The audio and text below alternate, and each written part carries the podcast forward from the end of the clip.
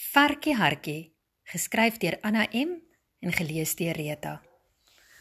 Op 'n mooi dag ruim Varkie Hartjie haar kombuisie op. Sy vee die vloer en pak die skottelgoed weg. Dan haal sy haar lekker dik kookboek uit en sê: "Vandag gaan ek 'n koek bak. Ek is al lank al lus daarvoor.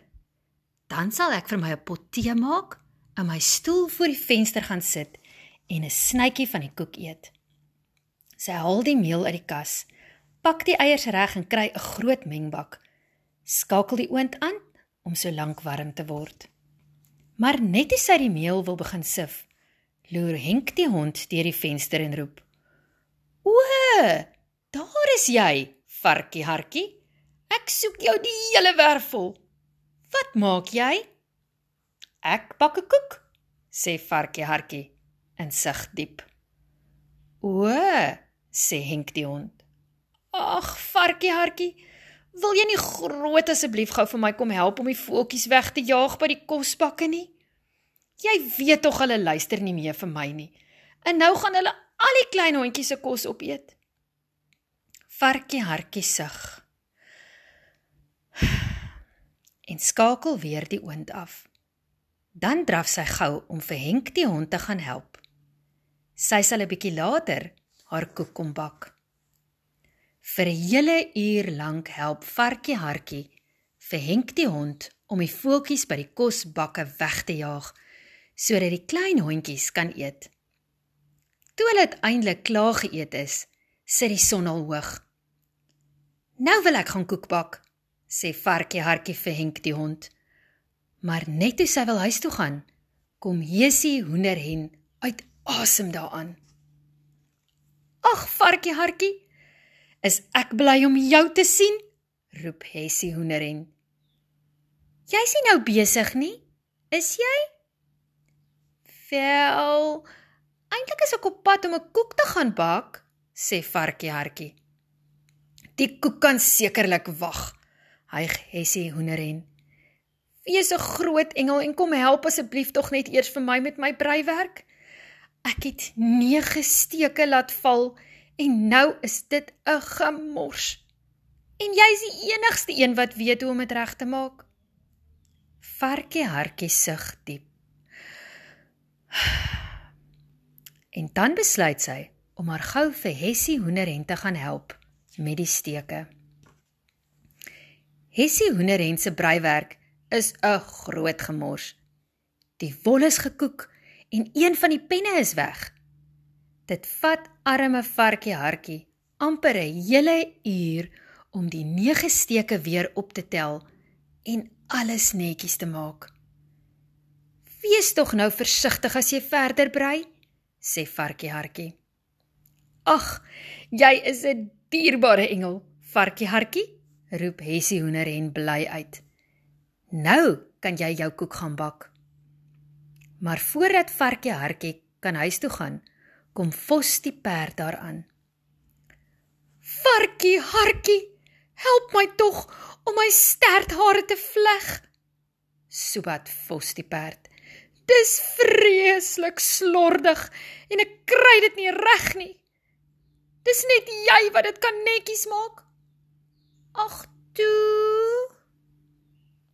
Varkie Hartjie wou nog sê dat sy eintlik haar koek wil gaan bak. Maar sy kan sien dat Vos die perd baie ongemaklik is. Sy sug en haal 'n klein kammetjie uit haar rok se sak waarmee sy die perd se sterthare begin uitkam. Dit vat 'n hele 40 minute om te vleg. En net toe varkie hartjie wil huis toe draf om die koek te gaan bak, hoor sy vir Etna die koei roep. Varkie hartjie, my ding, roep Etna die koei. Jy moet my net help. Jy moet. Die boer kom net nou om my te melk en ek is net so gespanne dat ek glad nie my melk sal kan gee nie. Wees 'n skattebol en vryf so gou 'n bietjie my rug. Jy weet hoe ek raak as ek gespanne is. Varkie hartjie is nou al vieserig maar sy weet dat Etna die koei maar sukkel met spanning. Net 'n klein rukkie dan, sug varkie hartjie en sy begin om liggies uit na die koei se rug te streel. Sy streel en sy streel tot al die spanning weg is. Maar net toe sy wil huis toe gaan, kom Susanna die skaap in die pad af. "Daar is jy, varkie hartjie," roep Susanna skaap benoud. "Ek soek jou die hele plaas vol." Daar is al weer jakkalsies in die gras naby die draad en die skape is baie bang. Wees tog 'n lief ding en kom jaag hulle weg. Jy weet hoe bang is hulle vir jou. Maar begin varkie hartjie. Dan hou haar woorde op en sy word skielik baie baie kwaad. Sy raak so kwaad dat sy vreeslik hard begin skreeu. Sy stamp haar potjies op die grond en sy skreeu en sy skreeu. Die jakkalsies in die veld hoor haar en skrik so groot dat hulle weghardloop. Al die diere staar verbaas na varkie hartjie. Niemand weet hoekom sy so kwaad is nie. Sy staan altyd so lief en dierbaar. Sy help hulle dan altyd so geduldig. Toe varkie hartjie klaar geskree het, voel sy beter. Ek gaan nou nie meer vir enige iemand anders help nie, sê sy. Nie voordat ek my koek klaar gebak het wat ek al heel dag wou bak nie. En voordat die diere nog iets kan sê, stap sy weg na haar huis toe.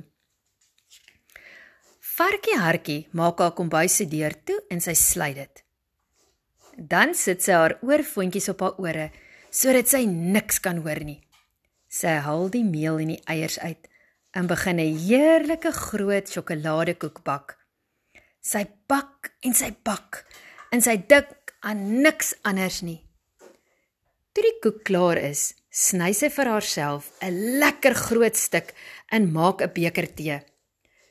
Toe gaan sit sy in haar stoel in die son. Maar skielik voel varkie hartjie 'n bietjie eensaam.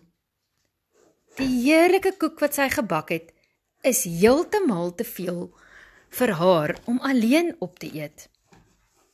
Varkie hartjie sny die koek in 5 stukke skywe en sit die 5 snye op 5 bordjies. Sy vat vir elke dier 'n stukkie koek en sê sy is jammer dat sy so vreeslik kwaad geword het. Die diere proe aan die koek. Dit is die lekkerste koek wat hulle nog ooit geproe het. Varkie hartjie, as ons geweet het dat jy so 'n lekker koek wil bak, sê hulle almal gelyk, dan het ons jou nooit ooit geplan nie. Fluit, fluit. My storie is uit.